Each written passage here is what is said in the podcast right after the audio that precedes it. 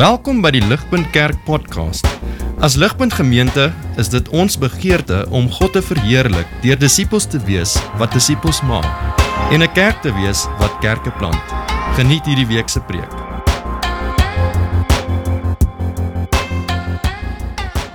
Ek weet dit is moeilik om te glo as jy veral vandag hierso sit, uh, maar die seisoene is besig om te draai.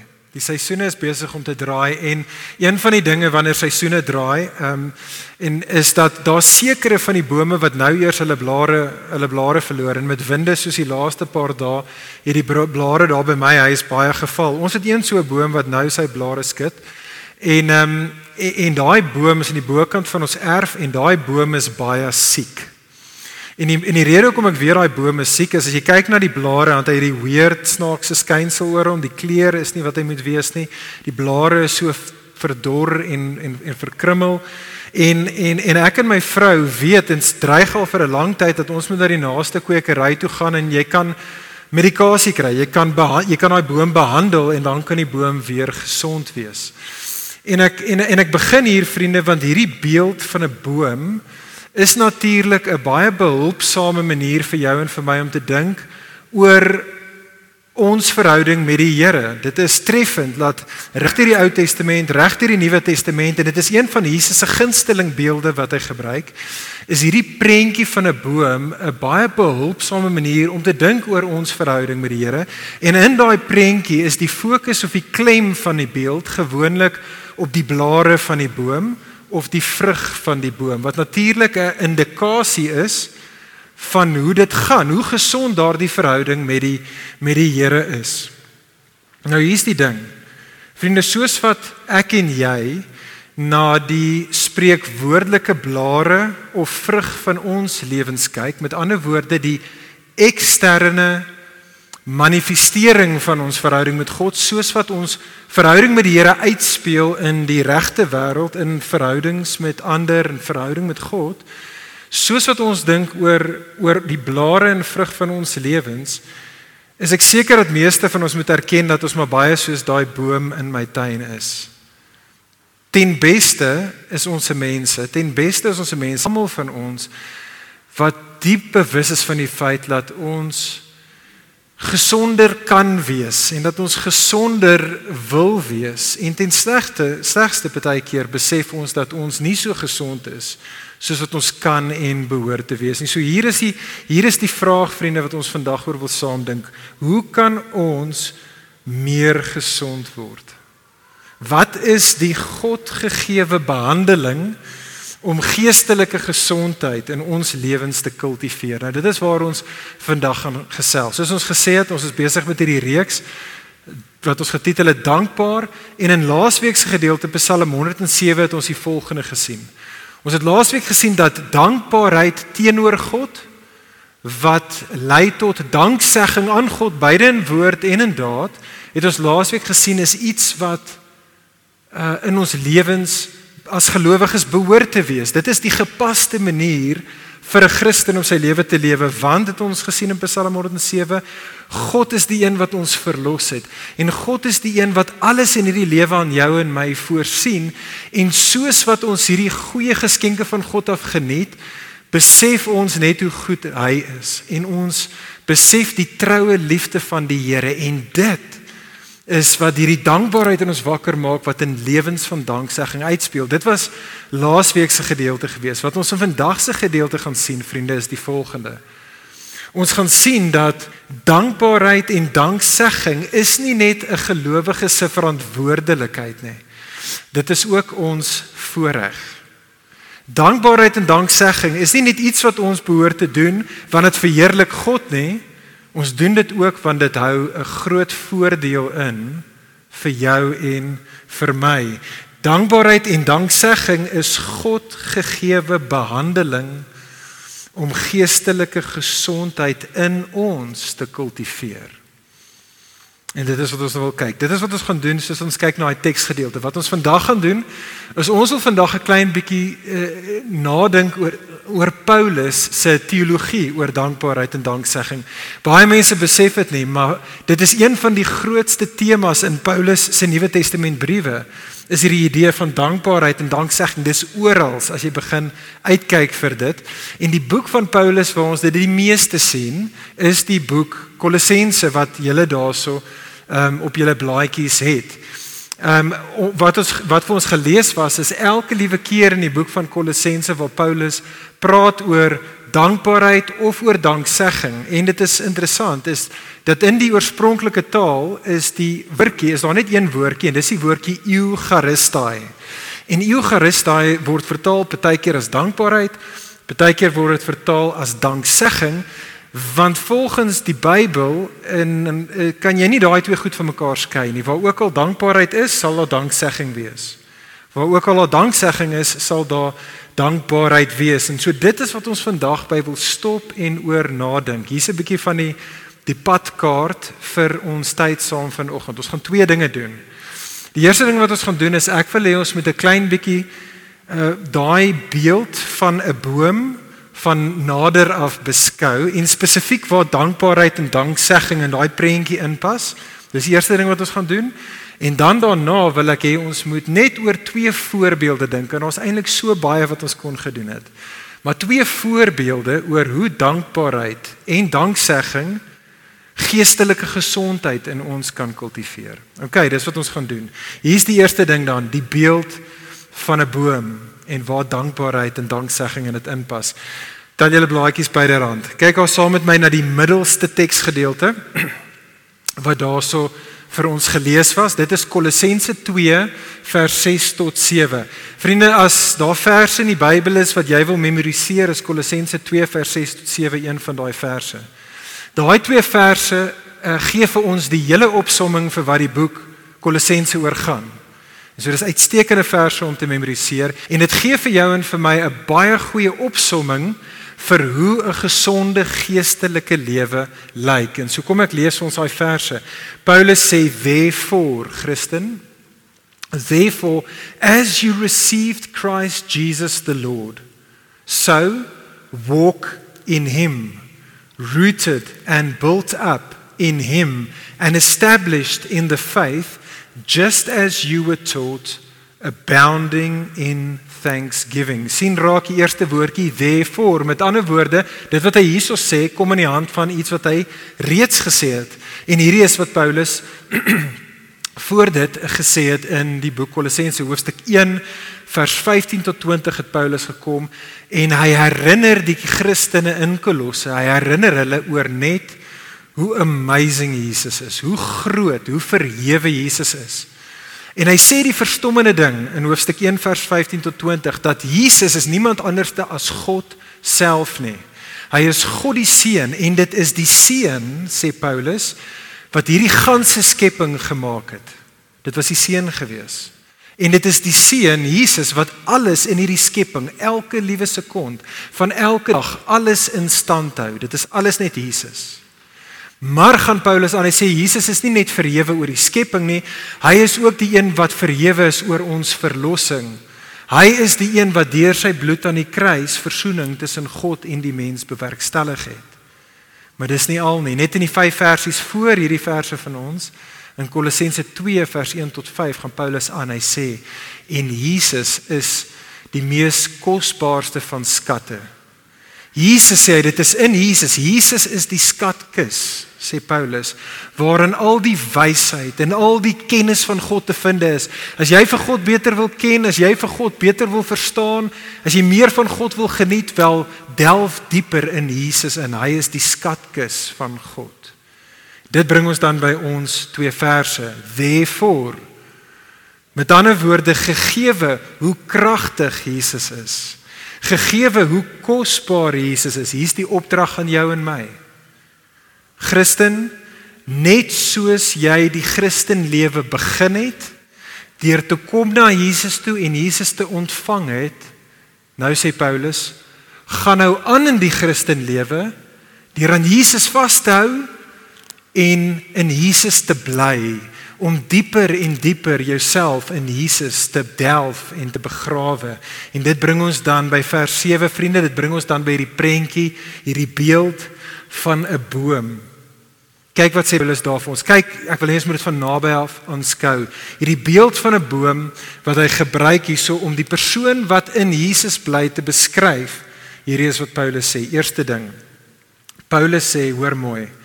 Hy sê soos 'n boom in grond gewortel is ten einde in daardie grond vanaf die grond afvoedingsstowwe te kan kry sodat die boom kan lewe. So sê Paulus is die Christen wat in Jesus bly iemand wat altyd sy lewenskrag in Jesus vind. En verder gaan hy aan, soos 'n boom wat gewortel is op die grond as dit ware vas staan, so is die persoon wat in Jesus bly iemand wat sy of haar hele lewe op die vaste grond wat Jesus is bou. Derde gedeelte, kyk saam met my daarso vers 7.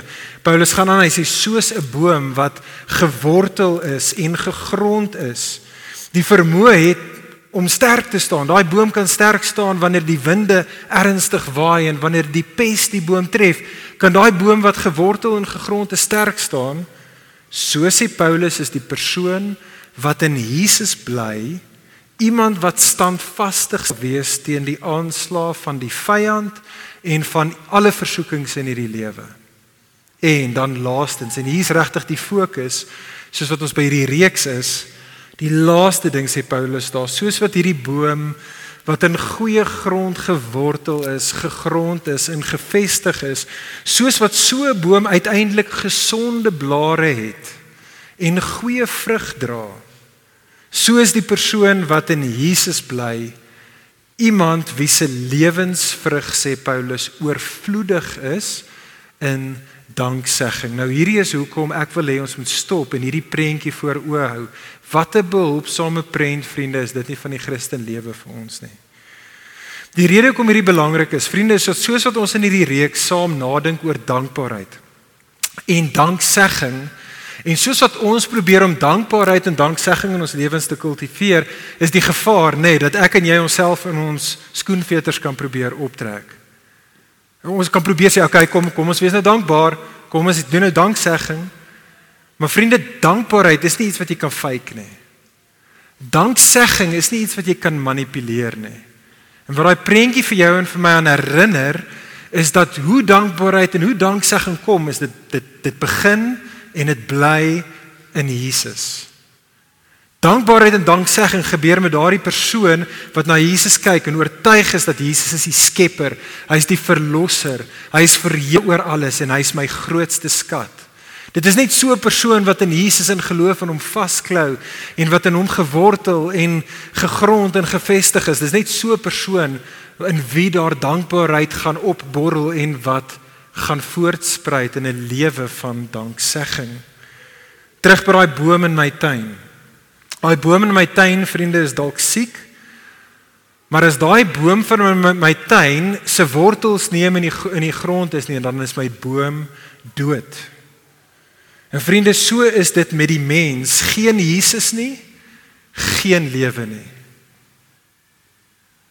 En vriende, daar waar geestelike lewe ongesond is, daar sal dankbaarheid min wees en danksegging sal skaars wees. Maar daar waar dankbaarheid en danksegging oorvloedig is, kan ek en jy weet is daar geestelike gesondheid.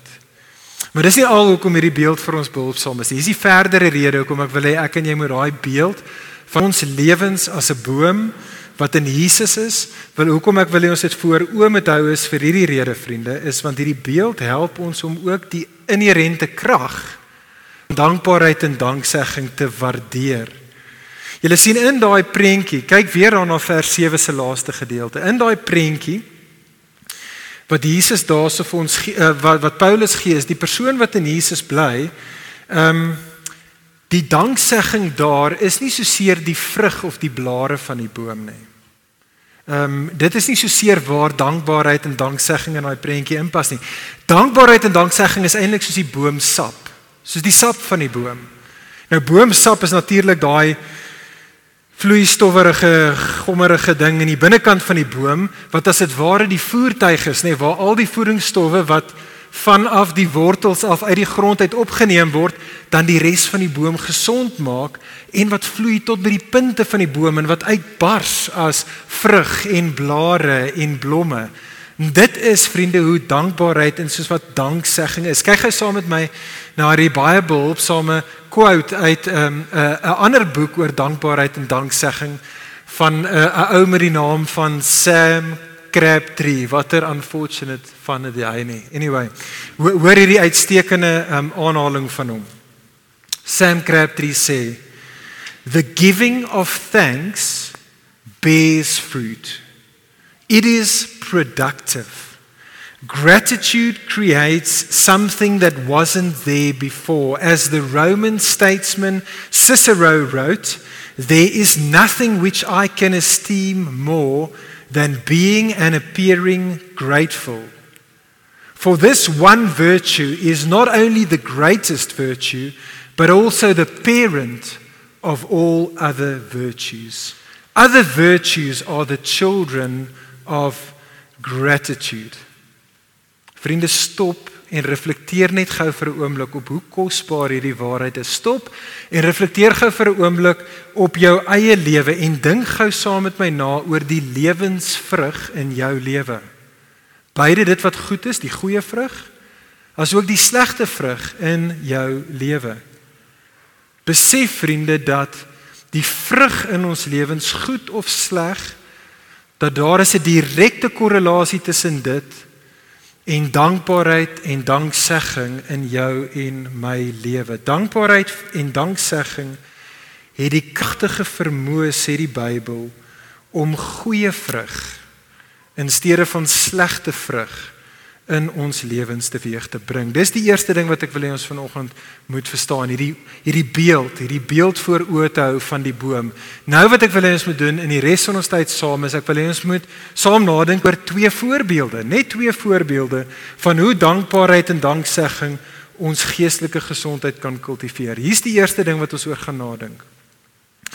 Vriende, danksegging is medisyne vir jou en my angstigheid. Danksegging is medisyne vir ons angstigheid.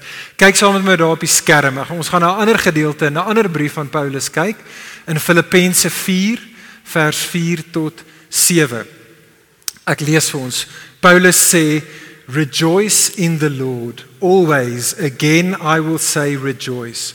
Let your reasonableness be known to everyone.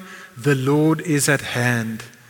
Do not be anxious about anything, but in everything by prayer and supplication, with thanksgiving, let your requests be made known to God, and the peace of God, which surpasses all understanding, will guard your hearts and your minds in Christ Jesus. Vriende besef dit. Angstigheid is die grootste pandemie van ons tyd. Die statistieke daar buite is eensgesind daaroor. Ons is 'n generasie soos nog nooit tevore nie. Uh wat wat wat 'n angstige, angsbevange mense is.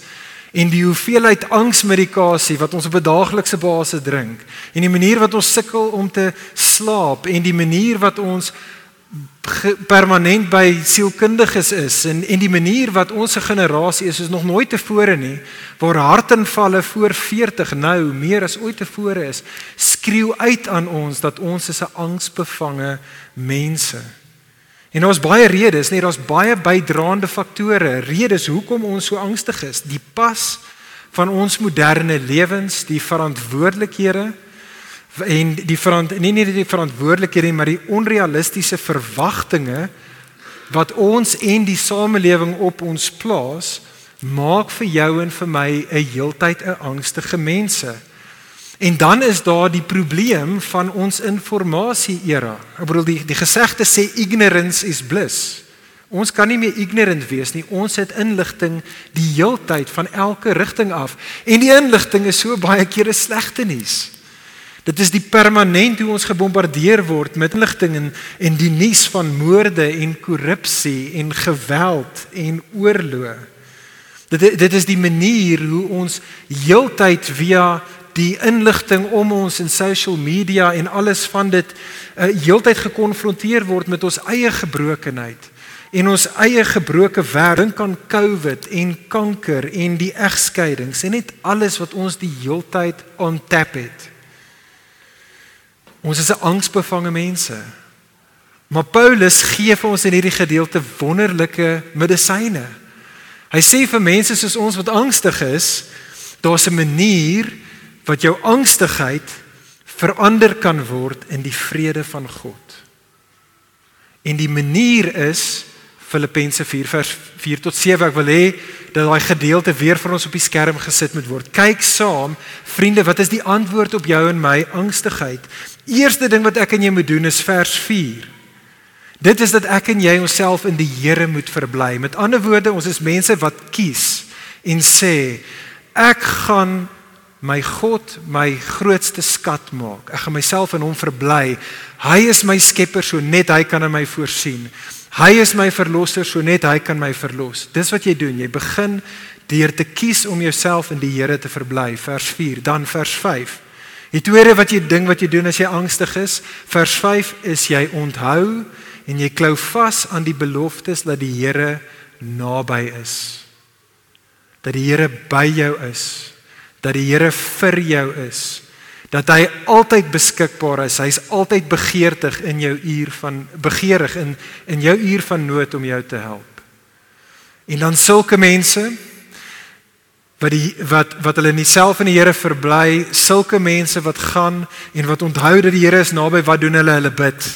Hulle is mense en hulle kom met al hulle angstighede, met al hulle worries, met al hulle probleme en hulle bring dit na die Here toe. Hulle rig al hulle versoeke en hulle kom met al hulle vrese kom hulle na die Here toe en hulle bid, maar hoe bid hulle? Hulle bid met danksegging. En dit is die ding vriende wat ek dink op die beste van tye ons mis veral in ons angstighede. Die laaste ding wat ek en jy wil doen is dankie sê. En dit is juist vriende die hart van die gebed wat angstigheid na vrede toe sal vat. Hierdie is hoe 'n gebed lyk vriende. Hierdie is hoe 'n gebed klink wat deurdrenk is met 'n danksegging. Jy kom met jou vrese na die Here toe en jy sê vir hom dankie. Jy sê dankie Here, dankie dat alhoewel ek nou hier in my angs so alleen voel, is dit nie waar nie. U is by my.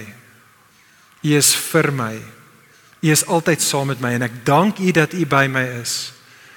Here, dankie dat U vir my reeds die U het reeds vir my uit die grootste van verknorsing uitgered.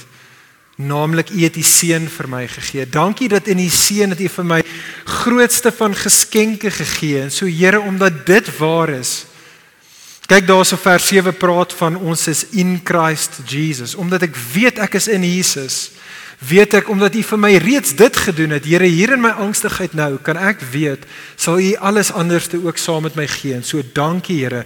Dankie dat ek weet U sal alles aan my voorsien wat ek nodig het. U sal na my omsien. Alles wat ek het, selfs hier in my nood, is goed vir my want U is altyd goed. Maar dit is nie waar ons danksegging gebede stop nie. Jy bid dan verder en jy bid as volg. Jy sê vir God dankie en jy sê soos wat hierdie situasie waar soos wat daai situasie waarin jy is sleg is en alles voel uit beheer uit. Vriend vriende dan kyk jy verby jou probleme en jy tel jou seëninge. Jy tel jou seëninge in die midde van jou probleme en jy kyk selfs na die swaar kry en die pyn waarin jy is en jy tel die verborgde seëninge wat in die slegte situasie ook opgesluit is vir jou. En jy dank die Here vir dit. Jy dank hom vir dit. Jy sê vir die Here dankie vir die magtom maniere wat hy op soveel maniere reeds vir jou genade betoon het. En die manier wat selfs die slegte situasie nog slegter kon uitgedraai het. En jy dank die Here vir dit. En dan dank jy die Here vir selfs hoe hy in die midde van jou swaar kry besig is om jou geloof in hom te versterk. En jy dank hom hoe hy besig is om jou meer afhanklik van hom te maak. En jy dank hom vir die feit dat hy's besig om jou meer soos Jesus te maak. En vriend, vriendin, as jy so begin bid in die midde van jou angstighede, ewe skielik, toenemend stelselmatig sal die angstighede vervang word met 'n vrede wat alle verstand te bowe gaan. Vriende, hoor asseblief tog mooi. Die krag van danksegging lê nie in die feit dat danksegging jou en my omstandighede gaan verander nie. Dis die fout wat die spreeklewe ouens maak. Dis die fout wat die word faith movement maak. Jy sê net genoeg keer dankie en dan verander dit jou omstandighede. Vriende eerder, wat danksegging doen is hy verander nie jou omstandighede nie, hy verander jou. Danksegging verander ons. Wat danksegging doen, presies wat ons laasweek gesien het in Psalm 107. Soos wat jy die Here so, so wonderdade sien, as die meerderheid van dinge in jou lewe, dan raak die probleme ewe skielik nie meer so groot nie. En soos wat jy in die midde van dit onthou jou God is goed. En jy onthou sy troue liefde, dan gee dit jou in die midde van jou moeilike omstandighede die goddelike perspektief wat ek en jy nodig het juis in sulke tye. Dis die eerste rede vriende, kan jy sien hoe kan danksegging jou verander en alles anderste om dit goeie vrugte weegbring. Hier's die tweede. Hier's die tweede in die laaste voorbeeld. Vriende, danksegging is nie net medisyne vir ons angstigheid nie. Danksegging is ook medisyne vir jou en my onvergenoegdheid. Kyk saam met my daar, tel julle blaadjies op. Kyk aan na Kolossense 3. Kolossense hoofstuk 3 is daai gedeelte in Paulus se brief waar Paulus kom en waar hy die Christen roep tot 'n sekere lewe. Kolossense 3 is die hoofstuk waar Paulus gaan en hy sê vir die Christen as dit ware, hierdie is die slegte vrug in jou lewe wat jy moet afkap en hierdie is die goeie vrug wat jy in jou lewe moet kultiveer. Kyk spesifiek saam met my daar in hoofstuk 3 vers 5. Paulus verwys daarna gierigheid in die Afrikaans of covetousness in die Engels, onvergenoegdheid is die hartskondisie daarso. Kyk wat sê Paulus daar. Paulus sê put to death therefore what is earthly in you sexual immorality impurity passion evil desire and covetousness which is idolatry nou hier's die vraag hoekom is onvergenoegdheid afgodery. Dit is belangrik om hierdie nie te mis nie. Die rede is 10 gebooie. Die rede is Eksodus 20. Dink aan die 10 gebooie. Die laaste gebod is jy mag nie begeer nie. Dit is die onvergenoegde hart. Maar die laaste gebod jy mag nie begeer nie is juist die laaste gebod want hy korrespondeer met die eerste gebod. Dit is die inverse van die eerste gebod. Die eerste gebod is jy mag net een God aanbid. En as jy nie die een God aanbid nie, dan het dan is het jy 'n onvergenoegde hart. 'n On, Onvergenoegde hart, vriende, is daardie plek waarin ek en jy so baie kom, nê? Nee, waarin ek en jy kyk na ons lewens en ons dink Ek is nie tevrede met die lewe wat God vir my gegee het en die goed wat hy my gee en die goeie dinge wat ek wil hê wat hy nie vir my gee nie en ek is nie tevrede met selfs die sleg wat hy vir my gee nie. En 'n onvergenoegde hart wil dan kyk na iets of na iemand anders toe toe om vir my 'n beter deel in die lewe te gee as God. Dit is hoekom onvergenoegde hart afgodery is. Maar 'n verdere ding, ons is nog steeds in uh, die 10 gebooie. 'n Verdere rede hoekom jy mag nie begeer nie die laaste gebod is, is want al die ander gebooie is as dit ware spruit voor uit 'n onvergenoegde hart. Die gebooie van om moord te pleeg en om egbreek te pleeg en om te steel en om valse beskuldigings te gee kom alles uit daardie hart wat onvergenoegd is uit. En ons kan dit sien hier. So kyk in julle gedeelte in ehm um, Kolossense hoofstuk 3. En Paulus se punt is dat die slegte vrug van ons lewens vers 5 tot 11 kom voor uit hierdie onvergenoegde hart. En die goeie vrug in ons lewens wat hy daarso lys in vers 12 tot 17 spruit voor uit 'n dankbare hart. Dit is hoekom dankbaarheid of danksegging. Kyk Kolossense 3 vers 15 tot 17 drie keer daarso vir ons genoem word. Want die goeie vrug kom van 'n dankbare, dankseggende hart af. En ek wil dit vir ons net bevestig. Ons is amper daar, maar ek wil dit vir ons bevestig ook in nog 'n teksgedeelte van Paulus. Kyk saam met my op die skerm na Efesiërs hoofstuk 5 vers 3 tot 5. Efesiërs 5 korrespondeer met 'n Kolossense hoofstuk 3 en kyk gou vinnig saam met my daarso op die skerm. Paulus verwys daar in vers 3 na covetousness en hy verwys daarna in vers 5. Wat is die teenmiddel vir dit? Wel, dis die middelvers, dis vers 4. But instead let there be thanksgiving. Nou, hier's die vraag: Hoe vernietig danksegging 'n onvergenoegde hart? Kyk saam met my op die skerm, op die volgende op die volgende ehm um, slide daarso. Hierdie is hoe danksegging dit verander, vriende. Dankbare Christene is mense wat op die einde van die dag besef dat in Jesus geniet hulle die grootste en ewige erfporsie en erfenis. Die persoon wat besef dat in Jesus hy wat die skatkis van God, God is, het ek alles nou en vir alle ewigheid.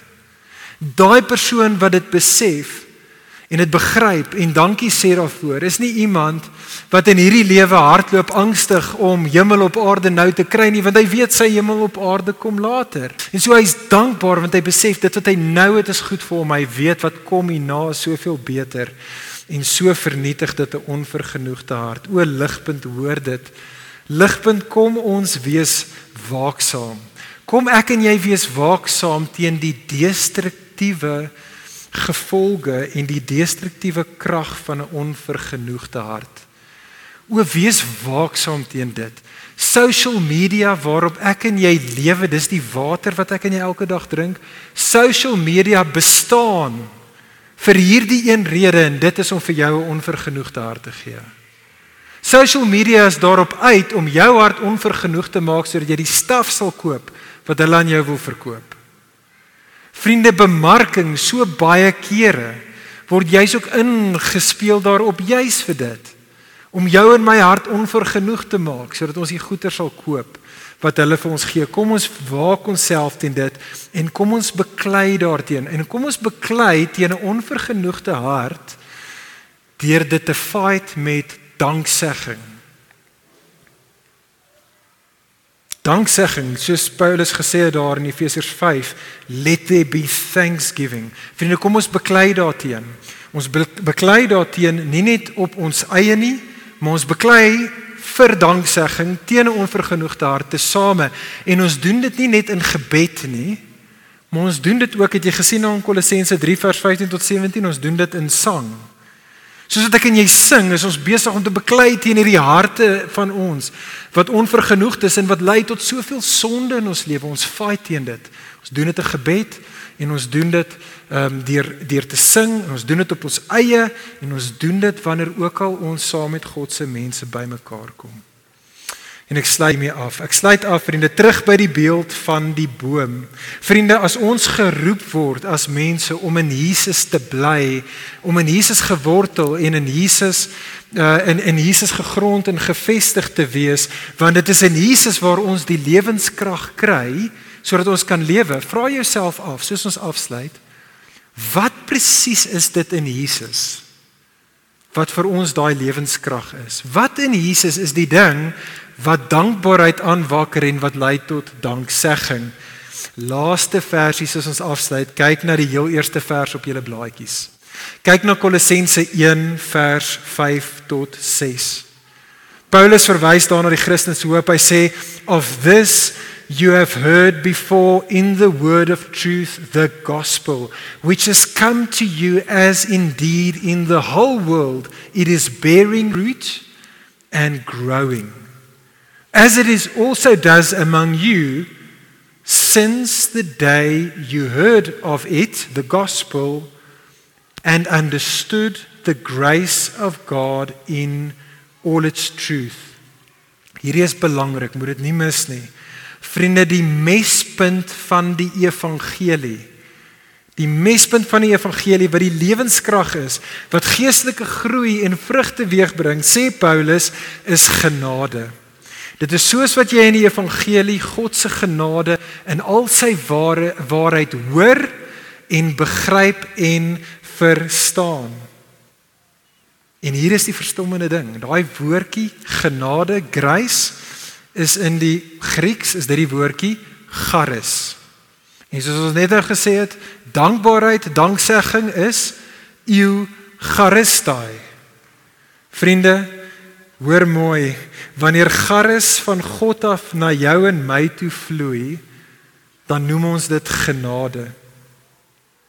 En wanneer ek en jy daai genade ontvang en ek en jy begryp die genade wat van God af na ons toe gevloei het, dan is die charis wat van ons af na God toe vloei, noem ons dankbaarheid en danksegging. En so ligpunt mag ons sulke mense wees, mag ons se mense wees wat die genade van God wat in Jesus vir ons beskikbaar is, verwelkom. Mag ons sulke mense wees wat dit verstaan en wat hom vergestel. Sodat Kolossense 2 vers 6 tot 7 sal waar wees van jou en my. Sodat ons se mense sal wees wat in Jesus gewortel sal bly en in hom gegrond en gefestig sal wees en sodat dankbaarheid en danksegging in ons lewens sal oorborrel uitvloei. Kom ons bid saam. Ja Vader, U is so goed. U is so 'n goeie goeie Vader vir ons. Here, dit is oral om ons. En U goedheid en U troue liefde en U seun Jesus is eintlik soveel meer omvattend as wat ons kan begryp. Ag Here, deur die Gees maak ons toenemende mense wat in hierdie wêreld, in die fisiese wêreld U genade sien, maar wat ook in alles die genade in U seun Jesus sien en geniet. Ag Here, maak ons 'n dankbare mense. En Here, maak ons 'n mense wie se lewens sal uitroep in danksegging aan U. Here, ons wil sulke mense wees want dit verheerlik U. Maar die return on investment vir ons is so goed. Dit maak ons gesond. Here, ons wil 'n gesonde, gelukkige mense wees. Doen daai werk in ons deur die Gees. In Jesus se naam bid ons dit. Amen. Vir meer inligting oor Ligpunt Kerk, besoek gerus ons webwerf op www.ligpunt.com of kontak ons gerus by info@ligpunt.com